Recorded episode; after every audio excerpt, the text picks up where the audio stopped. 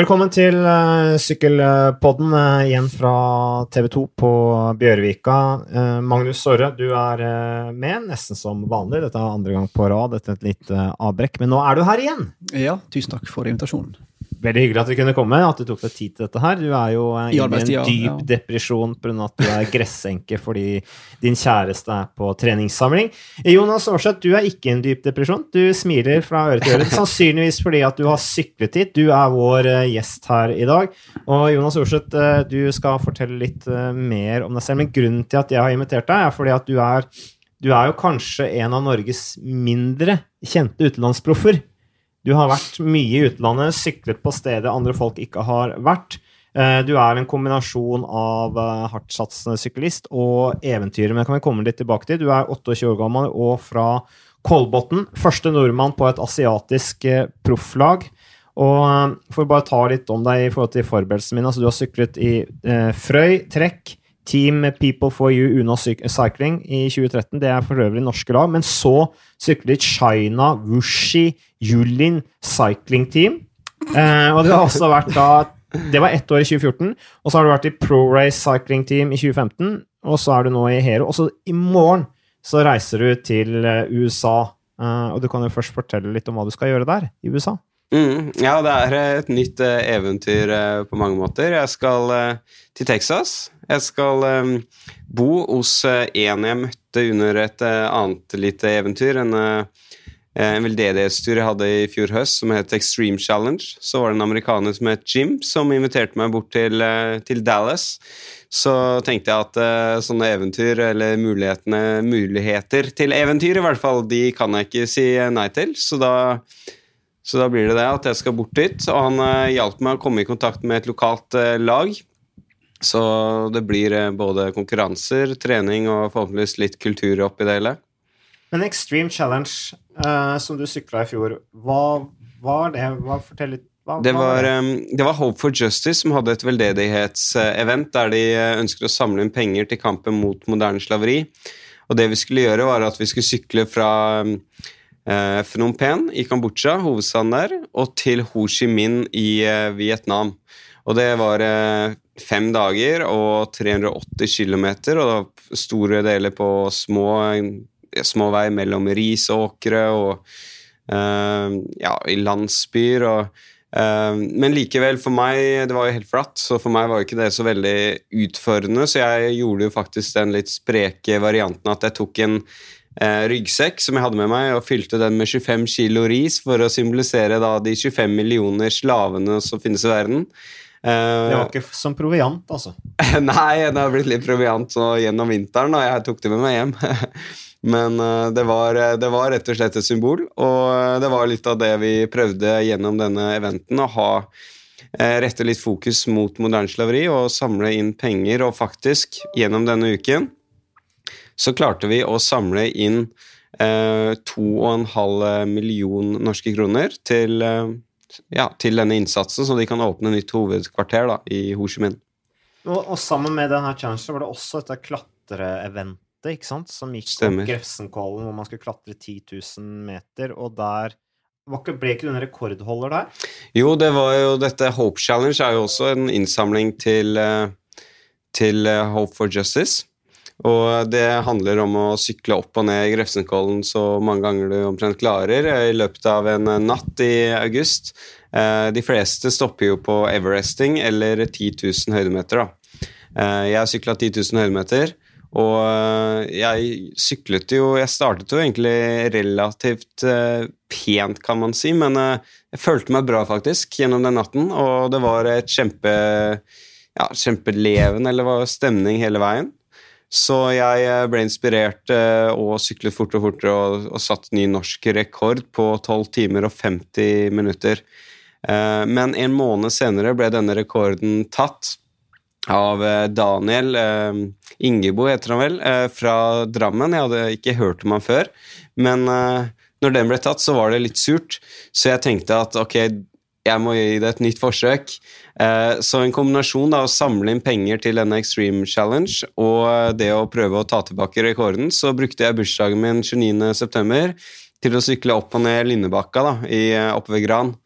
Og den var 3,7 km lang, ganske bratt. Så jeg sykla den uh, 30 ganger og, og, kom i mål da, på 10 timer og skal si, 10 timer og 56 minutter ble det. Så det er faktisk uoffisielt ny verdensrekord, så det er jo litt kult på en litt ja, utypisk distanse, da, men Så du er verdensrekordholder, altså? Ja, vi kan få lov til å sa, si det. du sa, tilbake til Grefsenkollen, hva sånt folk får med seg. Det er jo en bakke i, i Oslo. Hvor lang er den? Den uh, delen vi sykla av Grefsenkollen, var 1,9 km og 6% i snitt. Og Hvor mange turer opp og ned ble det? da? Det ble 82 når du skulle sykle 10 000 høydemeter. På hvor mange timer? Uh, jeg brukte 12 timer og 50 minutter. Men synes Det er alltid lurt på når folk gjør sånne ekstreme ting. Er det gøy, eller er det er det like drit som jeg ville synes det hadde vært å sykle tolv timer i strekk? Ikke sikkert at du syns det når man prøver først, eh, Magnus. Men eh, det er, eh, det er, en kombinasjon. Du starter jo med litt sånn Det er litt sånn interessant det der, fordi at du vet det er så langt at du starter med ganske ro i kroppen, fordi at du kan ikke starte for hardt. Det er ikke noe full spurt ut fra startbåsen. Og så er det egentlig bare å finne en flyt. Men det er også samtidig Og høy frekvens, da, ikke sant? Lett ja, gir. Det er lurt å ha Ellers så ødelegger du knærne dine. Ja, det, det, er helt klart. Jeg merka i Lynebakka, for det var så bratt bakke, jeg hadde ikke lett nok utveksling, så da fikk jeg etter hvert kneproblemer. Eh, heldigvis gikk det over etter en uke, da, men eh, det er ganske hardt for kroppen. Men eh, du har også en sånn tanke der når du starter, at du er litt Du vet ikke helt hva du går til, mm. så du har litt sånn fryktinngytende følelse, da, men men så kommer man etter hvert inn i en rytme, og da gjelder det bare å prøve å tenke positivt og smile og eh, ikke tenke hvor langt det er, i hvert fall. Dele gjerne det opp. Så går det, går det bra, og underveis så får man mange opp- og nedturer som er ganske fascinerende, egentlig. At eh, du begynner å tenke på ting du eh, ofte bare skyver unna i hverdagen. Uh, F.eks. hva er meninga med livet? Det er en typisk tanke. Det høres kanskje litt rart ut når man er ute og sykler. Hva fant du ut av det? Eh, ja, eller altså jeg, jeg, har blitt mer bevisst på mine verdier og hva som er viktig for meg som person. da. Hvorfor jeg gjør dette her som, som syklist, selv om jeg ikke dessverre tjener så vanvittige eh, mengder på det. Eh, så det er ganske fascinerende. Også når det går mot slutten, så er du så klart ganske letta. og eh, ja, det er, det er, veldig godt å komme over målstreken med en Ja, det har vært en stor fysisk og psykisk anstrengelse. Samtidig så kan det være litt sånn at når du kommer over mål, så føler du liksom at Var det alt? liksom, Skal, skal jeg ikke fortsette? Sånn var det i hvert fall i Grefsenkollen. Jeg var, eh, var, jo en av de første som avsluttet da, for jeg var, var jo raskest. Eh, men jeg følte jo at jeg, jeg måtte nesten fortsette. Heldigvis. Det var det mange som holdt på? opp og ned? Det var rundt 50 startene. Så, så var det noen sykla korte distanser halve mm. Everest, altså Mont Blanc heter, heter den. Og så var det noen sykla Everest, bare. Eller bare, bare. Det var Jens Bucht har også kjørt Everest, eh, har jeg lagt merke til. Ja, det er, det er, skikkelig up and coming, det er Everesting, så det er noe alle bør egentlig prøve å ha på bucketlisten. Men er det sånn at det her Hope for Justice, eller ch challenge, Hope Challenge, ja. At de på en måte eier den Everestingen? De nei, det, da, det, gjør det ikke. Dette er en uh, egen Everesting de har i Norge, men jeg syns det er flott liksom å både kunne gjøre noe sånn litt ekstrem event, og faktisk gjøre det for en god sak. da. Så ikke bare er for å, din egen eh, heder og ære å kunne ha det på, vise det på Strava, for det ser jo bra ut på Strava. det gjør det definitivt, men eh, det ser jo også bra ut på Strava når du da samme år, altså i fjor, i 2018, syklet uh, Vuelta Murcia. Mm. Som ble vunnet av Luis Leon Sanchez. Du sykla også Proeba Villafranca Ordisiaco Classica. Det kunne kanskje ja, du tatt bedre, Magnus, som kan spansk? Faktisk det syklet jeg ikke, men eh, jeg var registrert da, gjennom et, startlista. et, et startlista, selv om jeg hadde, jeg hadde sagt til laget at det ikke var aktuelt for meg å stille, men uh, sånn kan det være litt når du ikke er på det øverste nivået, så vet du ikke helt hva lagledelsen finner på, så, så, det, så jeg syklet ikke det. Men jeg sykla jo Primavera uh, Amore Beta, da. Men Så du sykla ikke Velta Murcia? Det syklet jeg ja, også. Mm. Som ble vunnet av Luis Leon Sanchez i fjor. En rytter som for øvrig sykler veldig bra nå også. Men, eh, mm. men det er jo voldsomme kontraster da, fra mm. det nivået i Spania med World Tour-rytterne i den type uh, veldig aktive ritt, for å si det mildt, og så til den type opplevelsesreiser som du også bruker sykkelen til. Uh, hvordan, hva, hva, er du? Er du egentlig en Vi, vi diskuterte litt når vi spiste lunsj sammen i stad. Altså, er du en hardtsatsende syklist? Eller er du en eventyrer? Har det dreid mer mot å bli mer sånn type challenge, uh, eventyr, eh, bruke sykkelen til å gå, statuere eksempler, det der å, å, inspirere? Du er jo blant annet opptatt av Veldig opptatt av klima, og du, du syklet altså det var i, Du sykla altså i fjor, så Eh, I desember, faktisk på kaldeste tida, sykla du også 1300 km som det du kalte sånn da klimapilegrim, da til FNs klimatoppmøte i Katowice i Polen. Eh, oppi det hele. Eh, mm. Så hvordan er liksom Hvordan er satsinga di? Nei, det, det, er et godt spørsmål på en måte. Samtidig så, så, er det noe jeg har tenkt veldig mye på. Så jeg, jeg, jeg føler meg jo mer og mer bevisst på hva jeg ønsker å utrette gjennom syklingen. Eh, jeg er jo, eh, som veldig mange som sykler, eh, så er målet å bli best mulig. Og det har alltid vært en drøm om å liksom kunne stige i gradene og kanskje en dag sykle Tour de France. Men likevel, på veien så, så har jeg også funnet ut Og litt gjennom disse ekstreme eventene, når du begynner å tenke på hva er meningen med ting, og hvilke verdier har du, så har jeg også funnet ut at det å gjøre ting som, som gir meg noe mer enn bare selve syklingen og konkurransen, det er viktig og kanskje kunne være til inspirasjon for andre. og Opplevelsene oppi det hele er eh, også noe jeg gjerne vil ta med meg. og Jeg tenker ofte sånn at jeg skal, jeg skal gjøre ting som, eh, som, gjør at når jeg sitter på gamlehjemmet, så skal jeg være stolt av det jeg har gjort. Men det er klart det er en eh, det er, det er ting jeg vurderer Skal jeg gi et skikkelig forsøk på å bli best mulig i aktive ritt, som er en helt annen måte å konkurrere på, og en livsstil som uh, egentlig handler om bare å uh, trene og hvile og koble mest mulig ut fra andre stressfaktorer. Uh, og det er jeg ikke så flink til. men da får vi se da om jeg klarer nå i USA å koble litt av og trene godt og komme på et høyere nivå. hvis jeg ikke når det toppnivået i aktiv ritt som jeg, jeg, håper, så kan det godt hende jeg dreier enda litt mer mot å bli eventyrer eller ekstremutøver, eller hva man skal kalle det. Når du går fra å sykle um, Grefsenkollen, eksempel, mm. til å sykle med Alejandro Valverde i Murcia, mm. blir du da litt sånn uh, Benytter anledningen til å snakke litt med alle gutta og liksom sykle ved siden av og ta på bilde? Uh, på en måte. altså Jeg ser jo godt over skulderen med hvem jeg, man sitter med og, og sånn, men uh, Eller hvem du snyter deg i trynet på. ja, det er sånn det er. men samtidig så, så, er ikke jeg den som uh, blir så veldig sånn star-struck, så så det er ikke sånn ekstremt Jeg husker jo jeg sykla med Thor Hushovd for noen år siden eh, da han hadde på seg verdensmestertrøya, og, og det var jo ganske stort. Da var jo omtrent idet jeg startet å sykle aktivt, så jeg var vel 19-20 eh, år det året han vant, uh, vant VM, eller hadde VM-trøya i hvert fall. Var ikke det Oslo Grand Prix? For du har deltatt der òg, har du ikke det? Jo, jeg husker ikke om han hadde trøya det året. Det var, Jeg husker spesielt i Sandefjord Grand Prix. Så syklet han med verdensmestertrøya. Og da, da, faktisk eh, var jeg så heldig og, eller heldig og heldig. Jeg rykka jo første runde og fikk jo et veldig flott bilde der jeg rykker fra huset av de verdensmestertrøya. Så det, det, var jo selvfølgelig Da var jeg litt, eh, litt stolt. Men eh, etter sånn som årene har gått, så, så, så, er det alltid kult, selvfølgelig, å sykle ved siden av storheter, men ja, jeg ser Jeg vet jeg er mennesker, de òg, så jeg, jeg, er ikke noe sånn veldig Hva er det heter? Idealiserende, er det det heter? Overfor for de store? Ja, for du har jo, du jo sykla ritt altså i Russland, Sotsji. Uh, du har sykla Vietnam, Kambodsja, Kasjokstan, Sør-Afrika, Ukraina. Uh, Belgia, Frankrike, Tsjekkia, Danmark altså, Du har, uh, du har sykla i Kina, selvfølgelig, som vi kommer inn på.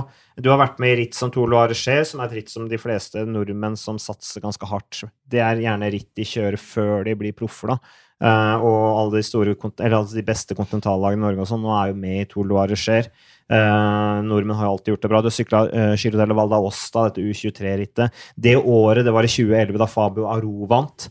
Uh, du har også kjørt uh, i, i, Norge, så sa jeg liksom Du har kanskje din beste sesong var kanskje i 2012. Du har vunnet etappe i Tour Hallingdal, det var i 2015. Du har en annenplass fra Norgescup i, i Bergen i 2014. Men det som er litt fascinerende nå, er at du sier liksom det der ok tar man det neste steget videre til et større lag, Da blir det enda mer sær satsing, da blir det ikke den samme idealismen. Men samtidig så virker det som du liksom Du får jo brukt syklinga uansett, da. Det er ikke sånn enten-eller. Du bruker syklinga likevel til, til, noe som du føler er meningsfylt, da. Eh, og som blir lagt merke til. Det er jo spennende. Mm. Og det har du tenkt å fortsette med? Ja, jeg, jeg elsker, eh, elsker, å sykle. Jeg gjør det. Jeg, altså, jeg elsker kanskje mest av alt sykkelgleden. Og um, jeg, jeg, vet vi har, eh, har, det på agendaen å komme litt inn mot uh, proffsyklingen og, og Colombia, men uh, når man ser bilder derifra, og hvordan denne gleden virkelig favner folk og skaper entusiasme, så er det jo helt fantastisk.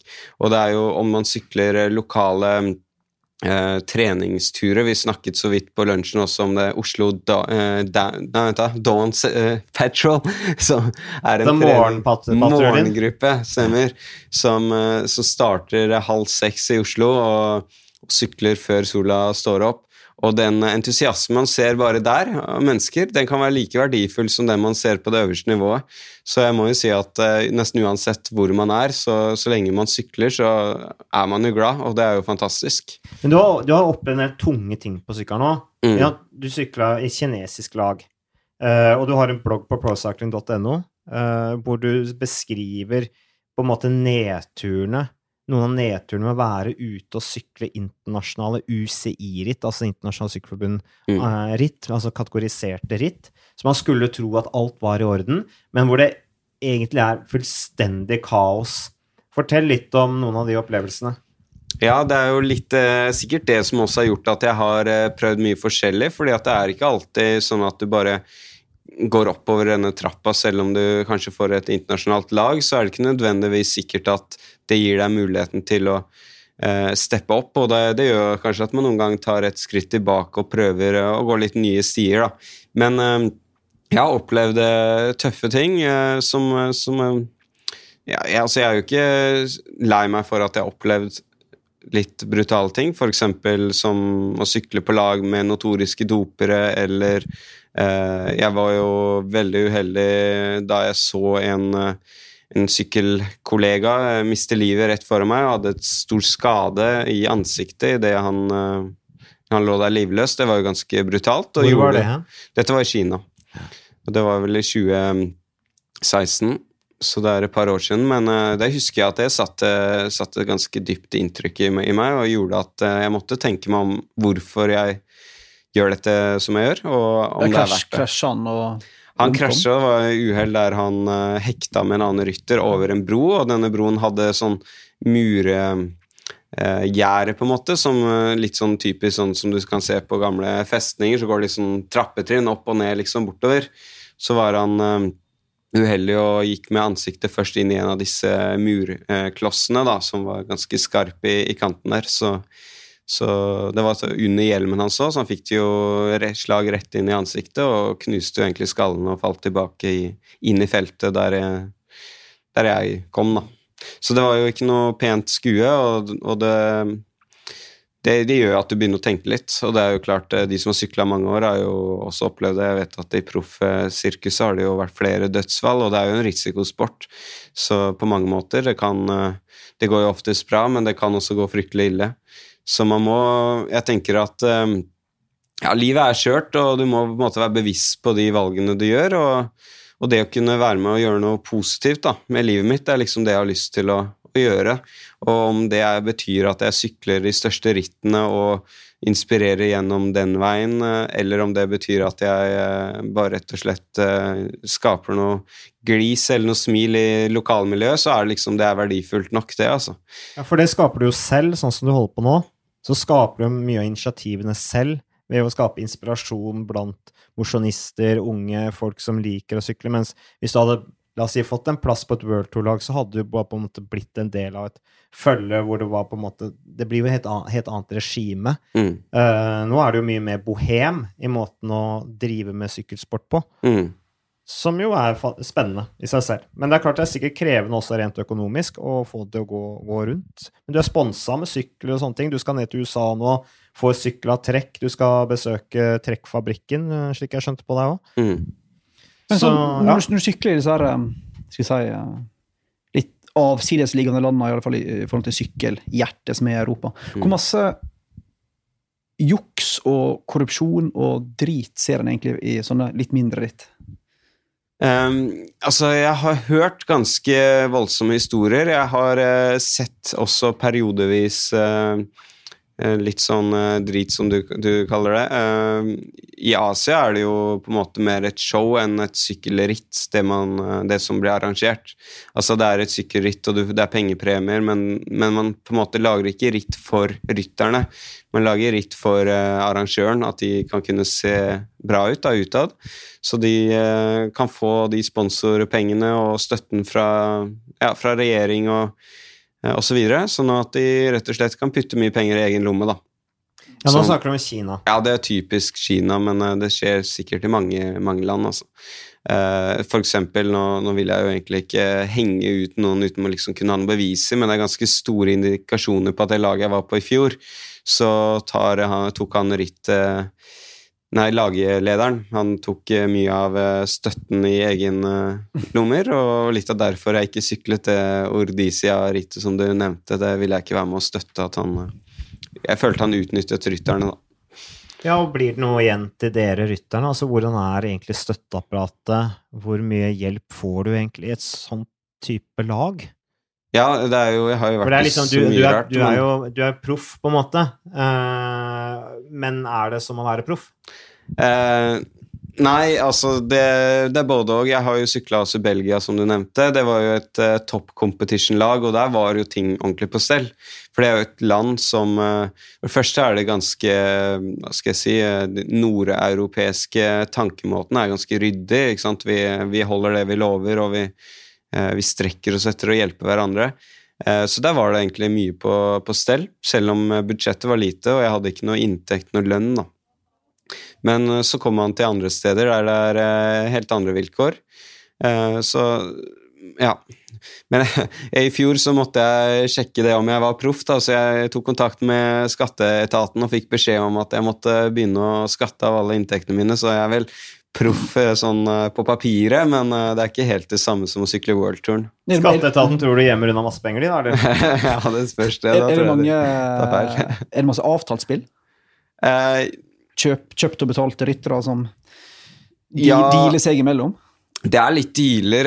Jeg har ikke opplevd noe sånn voldsomt avtalt spill. Jeg har hørt mye historie også fra øverste nivået. Altså, bare, det er jo ikke tilfeldig at eh, Valverde har latt Luis Leon Sanchez vinne Velta Murcia to år på rad. Det, det, er kamerater, men, eh, men, det vet jeg ikke om det har vært noe penger i bildet. da. Eh, men sånn er det litt. Så er det litt kameratskap. Du hjelper litt, så vi hjelper litt en annen gang. I, uh, I, Kina så syklet jeg jo med denne Ivailo Gabrovskij, som noen har, uh, har bitt seg merke i. Syklet med ja. han selv, jeg. Ja, ja. Vært i brudd med han, ja. ja, han er en, en type, og, og, i det rittet så valgte han jo å samarbeide med lederlaget med å ligge og taue inn brudd istedenfor å hjelpe vårt lag, da. Hva fikk han for det, da? Nei, Det vet jeg ikke. Han fikk eh, Jeg tror han håpet å få kontrakt. Jeg tror han fikk noe penger. Ja.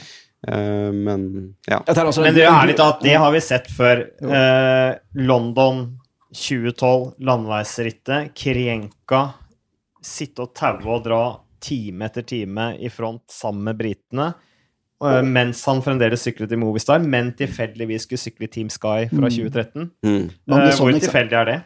Nei, det er mange sånne eksempel, men det er jo, det er jo sjelden en egentlig får klarhet i i akkurat foreløpet, Og det er veldig spennende. altså Hvor masse penger det er snakk om. Mm. Jeg har jo flere venner i feltet som sier liksom at tidligere syklister sier at de har blitt kjøpt og betalt av, av andre lag, og at det er helt greit, syns de.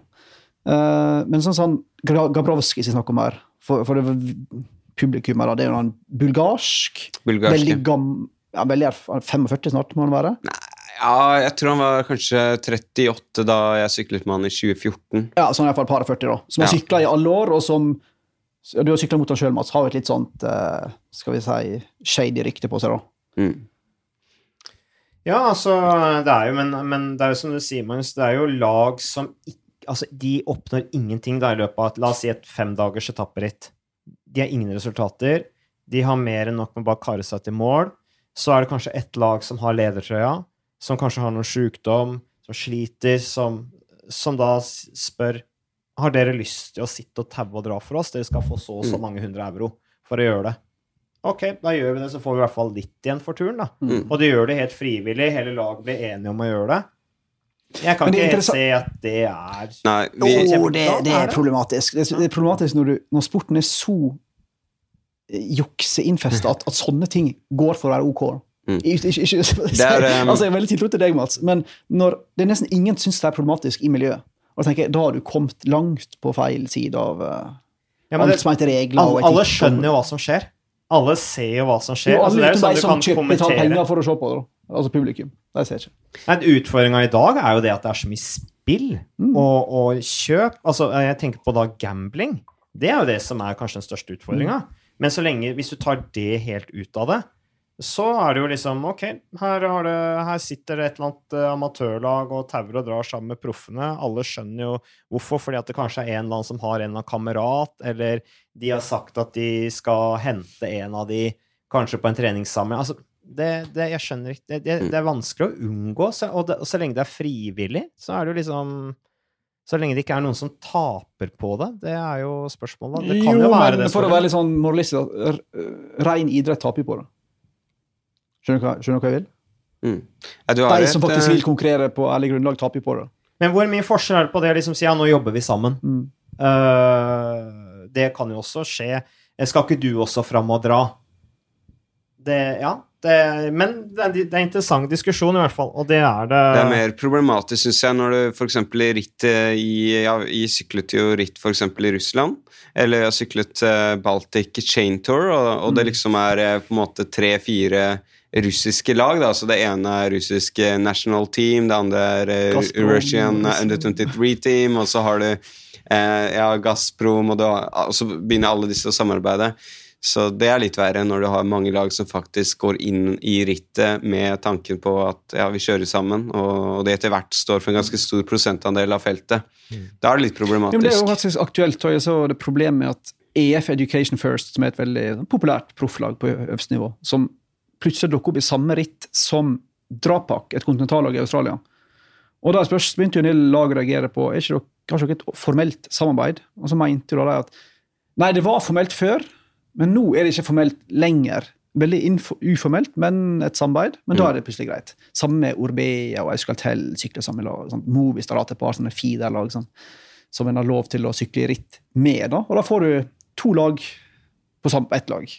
Og det er jo, syns jeg jo jeg er meget problematisk. Ja, og jeg tror at det som er viktig der, er, er det der å, å, på en måte opplyse publikum om hva som skjer, da, på en journalistisk uh, side. Jo, men, jo, men så tenker jeg at det er veldig enkelt å komme seg unna, da, når, eh, spesielt som du nevner Russland, som har hatt eh, Katusha, Rusvelo, Gazprom, U23-landslag som ikke har noen formelle bindinger.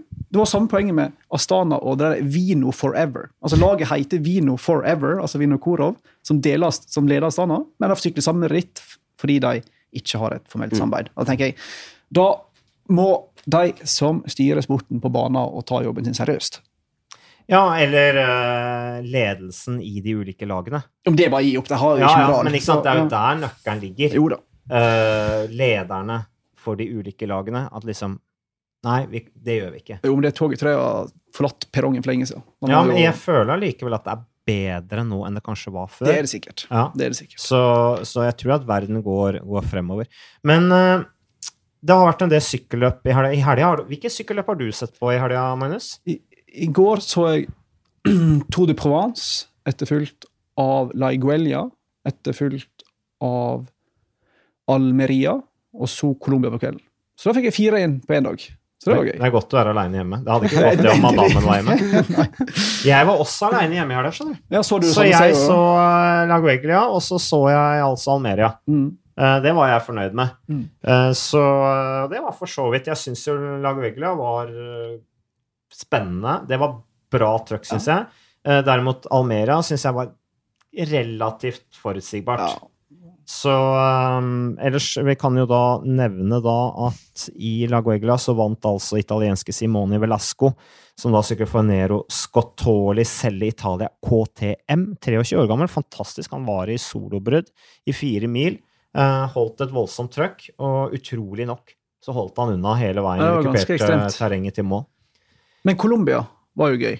Og, og, på søndag skjedde det masse da Quintana ble velta av tilskuer. Så begynte Bernal og Sosa tok sånn trackstand oppe i fjellet og slutta å sykle for å lokke hverandre fram, og så vant Quintana. Veldig masse dramatikk, da. Men du har sykla i Colombia. Mm. Er det like crazy som det ser ut som på TV? Ja, jeg, jeg var ikke overraska. Altså, jeg, jeg kjenner jo disse gutta som sykler for Betplay, flere av de. Jeg var faktisk eh, med på å starte det laget for et par år siden. Det er jo nye sponsorer og sånn nå, men han Noberto Vilches, som er sønn av eh, Pablo Vilches, dette er jo en skikkelig sykkelfamilie. Så de kjenner jeg litt, så jeg fulgte jo eh, i hvert fall litt eh, gjennom sosiale medier. Og det, er, eh, det var vanvittig å se hvordan eh, den åpningsseremonien var på stadionet Medellin. og ja, titusener av tilskuere sto og hyllet rytterne. Og jeg er ikke overraska heller, for sykkel er en kjempesport i uh, Colombia. Jeg, jeg, møtte jo folk som mente at det nesten var større enn fotball. Og hvis det, altså de som følger fotball, vet hvor stor uh, fotball er i Latin-Amerika, så sykling har en kjempeposisjon. Jo, jeg, tror, jeg tror Quintana har en samme type status som James Rodriguez og Falcao. Altså, det, helt seriøst. At det er liksom mm. de tre store. Jeg tror, han vant, om, uh, jeg tror faktisk han vant den idrettsgallaen, uh, har gjort i flere år, ja. og, og, det sier jo litt. Mm. Uh, og det er jo faktisk Nairo er jo så stor i Colombia at når du er ute og sykler, så roper ikke folk heia eller venga eller allé, liksom. De roper Nairo, mm. Nairo, Nairo. Hør på det her fra Colombia rundt i går kveld.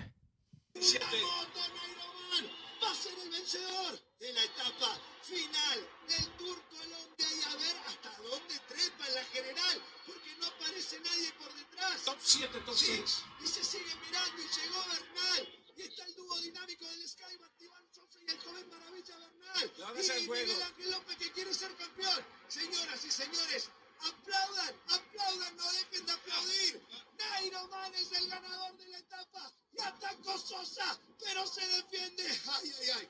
Superman López va a ser campeón. Nairo Man el ganador y Superman López hacia atrás. A ver quién llega segundo. Sosa. El inventador para campeón. Segundo es Sosa. Campeón Superman López. Campeón Superman López. Campeón Superman López.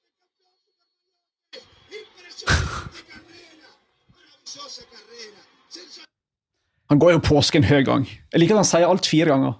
Ja, det var voldsomt. Nairoma og så kampion Supermann Lopez igjen og igjen og igjen. Voldsom begeistring og et folkehav uten like. Eh, arrange, altså, uh, arrangørene leverte, men, men eh, utøverne, lagene, var jo også over av seg begeistring. Omtrent alle tvitra liksom på på, på, spansk etterpå for å smigre litt ekstra med, med vertene, som de akkurat hadde vært hos. Så, og det er jo litt spennende. Du, du så jo rittet, Magnus. Jeg, jeg, så det ikke. Så du det forresten? Jonas? Nei, jeg har sett litt høydepunkter i ettertid. Men uh, hva, hva, sitter du igjen med etter Colombia rundt sånn rent sånn sportslig på, fra ryttersida? Er vanskelig sportslig. for det hvis du ser på sammenlagtlista, så er det liksom 95% av topp 20 colombianere, og så har du Ala Filip inni der, egentlig, og Lawson Craddock. Men uh, du sitter igjen med at uh, At det virker nesten samtlige av colombianerne som vi har håp for, altså Quintana, uh, Supermann Lopez, Sosa, Bernal Nesten samtlige av de gode faktisk er i rute. Det er gøy. Jeg håper jo på at en colombianer vinner Tour de France. Jeg har veldig lyst til at Quintana skal vinne Tour de France, for å være litt sånn inhabil her. Så det virker som han er i form, det virker som de andre gutta er i form. Uh, så, og så sitter jeg egentlig igjen med at vi i TV 2 burde prøve å kjøpe rettighetene til å vise det riktig. For det var god underholdning egentlig hver eneste dag. Ja, ja jeg så noe ja, på det. Produksjonen var, som syns jeg. Ikke, ikke, så veldig, ikke, så veldig, masse å skryte av. Men det var masse, masse folk, og så var det fulle folk som datt inn i rytterne. Det er ikke så gøy, men det skjedde masse. Det var folk som var kledd seg ut som kakemonstre, som sprang langs løypa hver dag. og det var fartsdumper i hver siste, hver siste, meter der. Så nei, det var, det var en opplevelse. Jeg har kommentert så mye sykkelcross nå at det der med fartsdumpene reagerte egentlig ikke noe på før jeg så at du gjorde det. Men eh, du nevnte Anna Philip og Bobby Jungels, eh, som altså er de to eneste europeerne, slik jeg har skjønt det, som har vunnet etapper i rittet. Stemmer det? Ja, men dette rittet er vel helt nytt? Det er vel ikke ja, da, det, er, det er relativt nytt, da, men de er i hvert fall de, de første som gjør det. Ja, de hadde kanskje dette her eh, Tour de Pass i Illusion, eller hva det heter? Passion? Passivasjon. Jeg tror det var det det het. De hadde i fjor, som var eh, vel, pass i fjor, ja. ja Oro pass, mm. Som var en forløper til det her, tror jeg. Mm, Men uh, Vuelta Colombia er vel et eh, Det er vel utestående. ja. Og det ja, Jeg sjek, måtte sjekke, men de skal mm. vel arrangere det i sommer igjen. Det er et ekstremt sykkelritt. Mm. Ja, det er jo sånn at europeerne ikke tør å dra og mm. sykle det. Fordi at det er så okkupert, og disse colombianerne flyr opp bakkene. Og så har det jo også litt sånn dodgy rykte. Det var vel åtte av ti som ble tatt for EPO i fjor, var det ikke det? Ja. Opp til... ja, så man kan jo si at det Dodge-ryktet blir jo litt bekrefta ja, av den type ja, statistikk. Bitt litt. Så der har de noe å jobbe med. Uh, men uh, uh, ellers så Vi var inne på hvilke ritt som har gått i helgen. vi snakket om Lago Eglia. Ingen god start for danske prokontinentale rival Readiness. Eh, hvor eh, de ble beste mann ble 28.-plass på Rasmus Kode fra Danmark.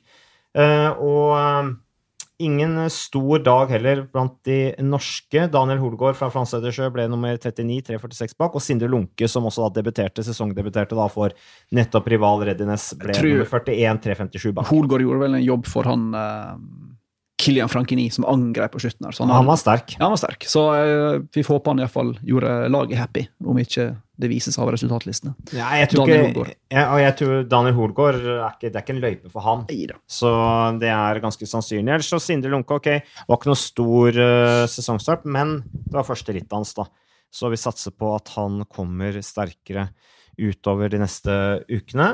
Uh, Tor Doman nå har vi jo kommet til tredje etappe. Kristoff med seier der. På første etappe ble nummer to bak Aleksej Lutsjenko da på andre etappe. Eh, og Kristoff tok jo da rekord i rittet med da Det ble hans niende etappeseier i, i Tour de Man. Og i dette er at han beholdt da ledertrøya hele to dager. Solid og en innsats også av Sven Erik Bystrøm og Vegard Stake Lagen.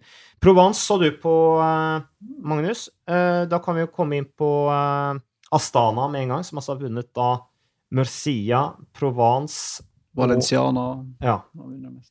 Så de leverer som bare det. Med bl.a. Gorka Isagirre, da, som vant i eh, Provence. Der kjørte også Christian Eiking og August Jensen. Eiking ble, August Jensen ble nummer 61, og Christian Eiking ble nummer 65 sammenlagt. Men August Jensen eh, begynner å levere litt sånn gammel, eh, sånn som vi har sett han tidligere, med Eh, og plassere seg oppe topp ti. Ble jo topp, ble nummer ti på siste etappen. Har jo også en tiende- og niendeplass fra Etoile Bessège, som gikk eh, forrige uke. Eh, hva gjelder Classic Almera, det snakket vi om. Det er et endagsritt. Det ble vunnet da av Pascal Ackermann, Bora. Vi husker han fra 2016 i, i Qatar, hvor han da ble nummer to i U23-VM bak Kristoffer Halvorsen. Vant da hårfint foran Marcel Kittel og Luca Meschket. De som kanskje ikke fikk all verdens ut av det etter å ha sittet mye og jobbet i front, Magnus, det var vel Mitchelton Scott? Jeg stussa bare litt, for jeg tenkte at Matheo Trentin var et eh, godt kort å spille her, og så trakk han opp Luca Meschket isteden. Ja, det skjønte ikke jeg nå. Jeg skjønte veldig lite av det, men da må det jo vært et eller annet at Trentin sier at dette er ikke et så viktig ritt, så da jeg gir den her til deg, min faste opptrekker, og så får du sjansen, og så får jeg lojalitet i det større etter tilbake igjen seinere i året. Må ha vært ideen. For uh, Meskets lenge siden han har vunnet store spurter. Altså. Ikke at han noen gang har gjort det heller, da. Men ja, han var jo i alle fall mot Kit, ja, før spurten ja, starta. Mot det... Kittel og Ackermann og Barbero. Det er ikke sjanse til. Så, men han ble nummer tre. Ja, det skal han ha. Men det er veldig kjedelig ritt. De fikk ikke avslutta det der på noen skikkelig måte. Nei, det er jo ikke. Men det er et veldig kjedelig ritt er Almeria, som du var inne på. Jeg syns det er ganske forutsigbart. Ja, så det gir rundt terningkast for å være litt negativ. Én? Så langt ned? Ja. ja. Men det var jo en viss fascinasjon over lagtaktikken, opptrekk og sånn. Det trekker jo litt opp. Da blir det en diskusjon to, etterpå. To, da. Ja, to? Ok. To. Ja, men det er greit. Det er greit. Uh, Colombia rundt, det har vi snakket om. Uh, seier altså til Miguel Angel Lopez ja, i Astana. Så de har jo hatt litt av en helg, så vi kan bare gratulere de med det. Ellers, hvis vi ser på lagene, da, så langt Nå er vi jo så vidt kommet i gang med sesongen, men eh, The König Quickstep de står altså med åtte seire. Viviani, Alaphilip, Hodek, Jungels og Gilbert har vunnet. Og så kan vi, nevne, så kan vi legge til da Remco Evenepool, som jo hadde en flott start i Argentina, som det er masse snakk om. Og så er det jo bare vent på Enrik Mass, sier jeg. Han har vi ennå ikke sett. Eh, litt spent på hva han kan eh, gjøre. De vant 73 ritt i 2018 og ligger sånn cirka på skjema da i forhold til i fjor. Imponerende. Jonas, du som er litt i, i miljøet, hva slags lag går for å være mest sympatiske? Hva slags lag er det folk liker best? Ja um, Nei, folk det er jo ganske bredt, eh, vil jeg si. da. Det jo, eh, Sky har jo en vanvittig ja. følgemasse sånn rundt i verden, men de har jo også noen litt sånne eh, frynsete rykter rundt mm. eh, Wiggen sine eh, Ja, Wiggen og, og, Froome er jo ikke alle som elsker han, men eh, ja, de belgiske lagene har vel ganske godt rykte. Mange som liker de offensive mm. syklister og Under en quickstep-suksess? Eller, ja, sånt, eller, er de for gode, så det går bikker over til at en faktisk håper de ikke vinner sykkelritt etter hvert?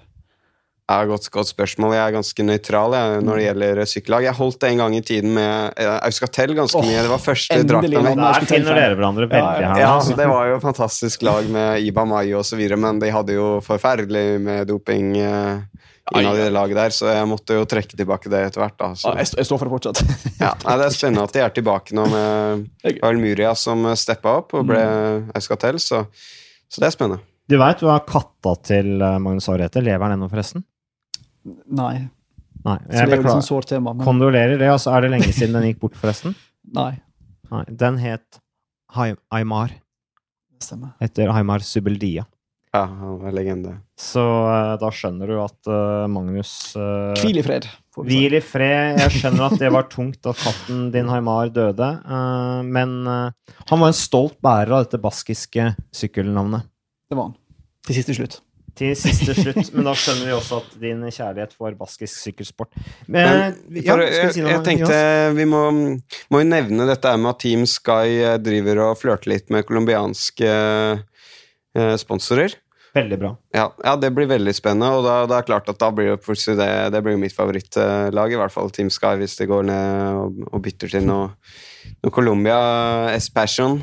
Eller noe sånt. Jeg så litt på en sånn video som Team Sky hadde laget i forbindelse med oppkjøringen til Colombia rundt, og jeg så jo også intervju med de underveis i rittet, at de kjørte med egne Altså, de hadde egne Trykte opp egne pikéskjorter og sånn med colombianske flagget i tillegg til Team Sky, så det er jo opplevd at de flørter litt med Colombia og setter inn en sjarmoffensiv eh, der. Og det er klart med den entusiasmen og engasjementet som er i Colombia rundt, så vil jeg jo tro at det frister for næringslivet å være en del av det. Mm. Froome la jo også opp vintertreninga i Colombia nå, så han har jo vært der eh, Han var i hvert fall en tur før jul. Om han var hjemme i jula, det vet jeg ikke, men han har begynt å bli halvt colombiansk, òg. Så det er vi spent på. Det snakket vi også litt om, hva som skjer i forhold til sponsoratet til Team Sky, og hvor de ender opp med å finne, finne finansiering til uh, videre drift. De har jo for så vidt uh, god tid på seg med tanke på at de er sikra en viss drift da, fra, fra dagens uh, bidragsyter. Men, jo, men så er det vel en frist der 1. april som kommer ganske fort, da, for å altså World Tour, lisensdatoen kommer før de andre fristene, som er litt senere utpå høsten. Um, så veldig god tid har de vel egentlig ikke. Team, Team Sky. Sånn som jeg har forstått det, iallfall. Men jeg er helt enig med deg, Jonas, at det er helt uh, Altså, det er et eller annet som Altså, når Chris Froome er så mye i Colombia som det han har vært. Uh, de satser ganske hardt. De har så mye colombianske ryttere. De har uh, Det sies at, uh, at Braceford har vært i møte med Duque, statsministeren eller presidenten i Colombia.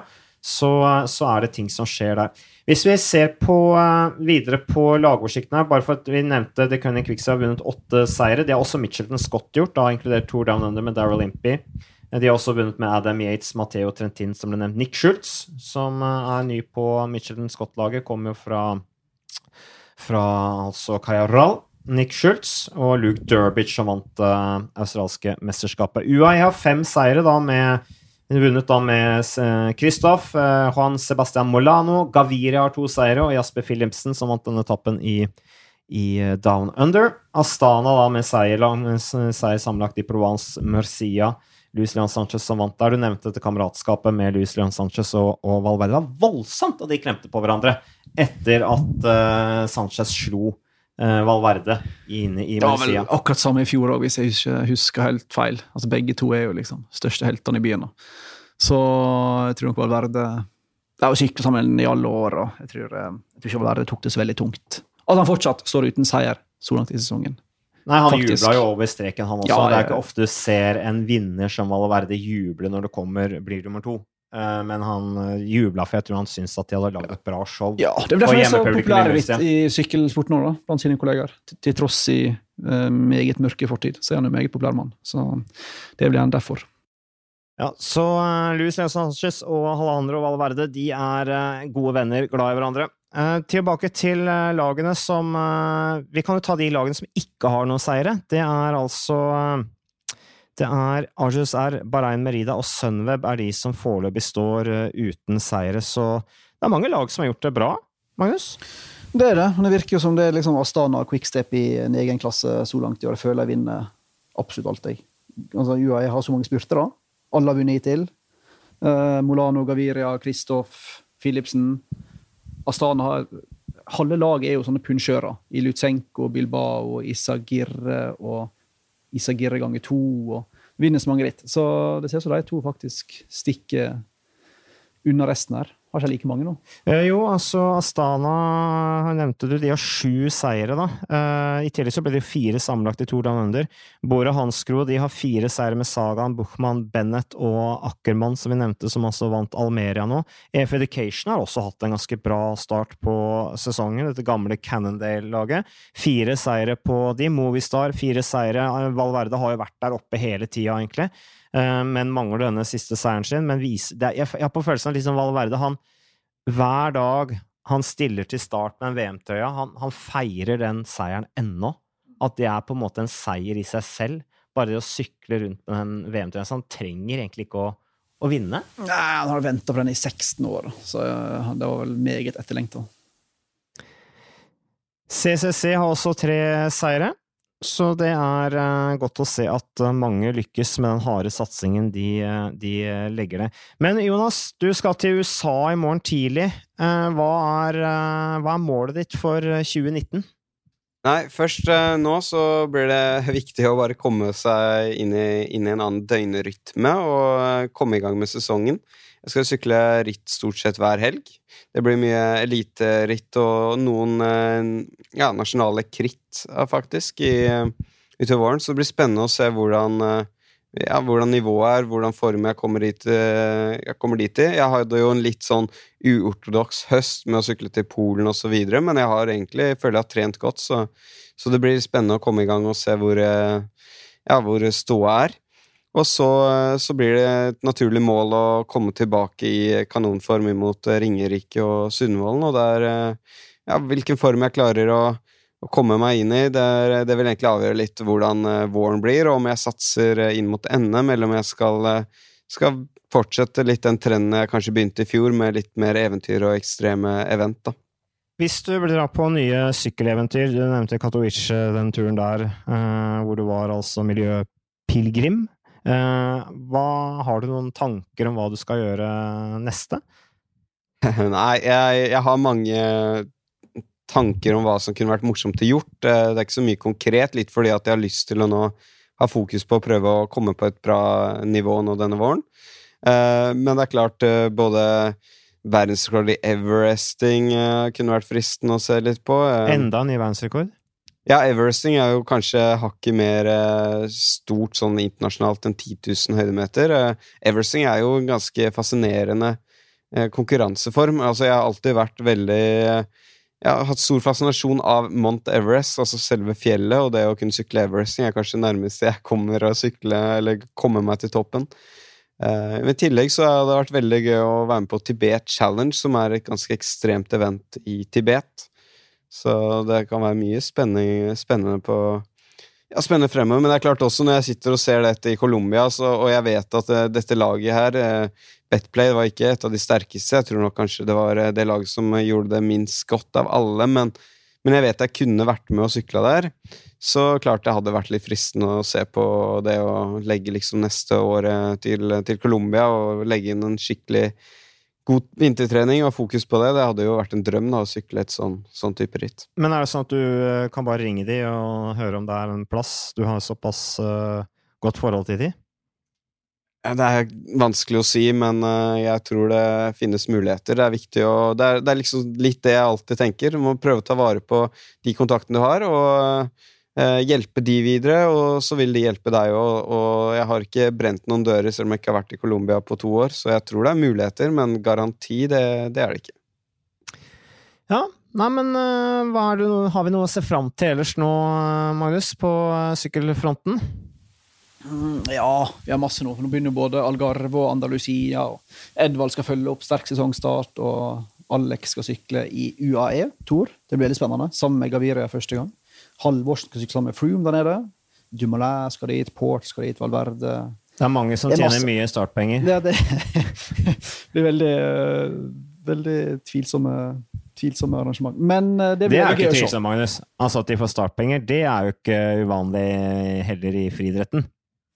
Nei, friidretten er ikke men, noe bedre enn sykkel. Men jeg skjønner hva du mener. Mm. Eh, det skal, du skal liksom gjøre det lille ekstra for at folk skal gidde å reise til UAE-tur. Og det var jo slående nå, det gikk jo bilder på Twitter, den kontrasten mellom Tour de Colombia og Oman.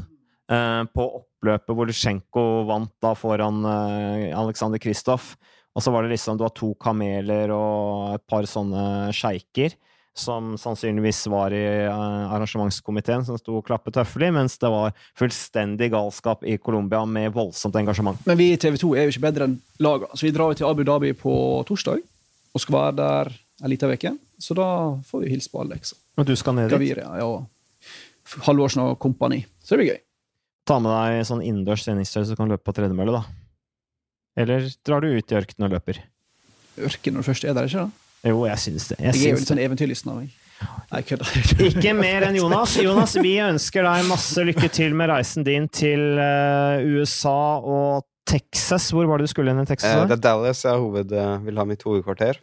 Da får du dra og se på Dallas Cowboys i NFL. Mm. Og så får du uh, Håper jeg du får masse bra sykkelløp og et bra treningsmiljø der, og at du kommer hjem og hevder deg i disse rittene du eh, sa at var en målsetting. Så tusen takk for at du kommer til Sykkelpodden, og vi er tilbake med mer om ikke lenge.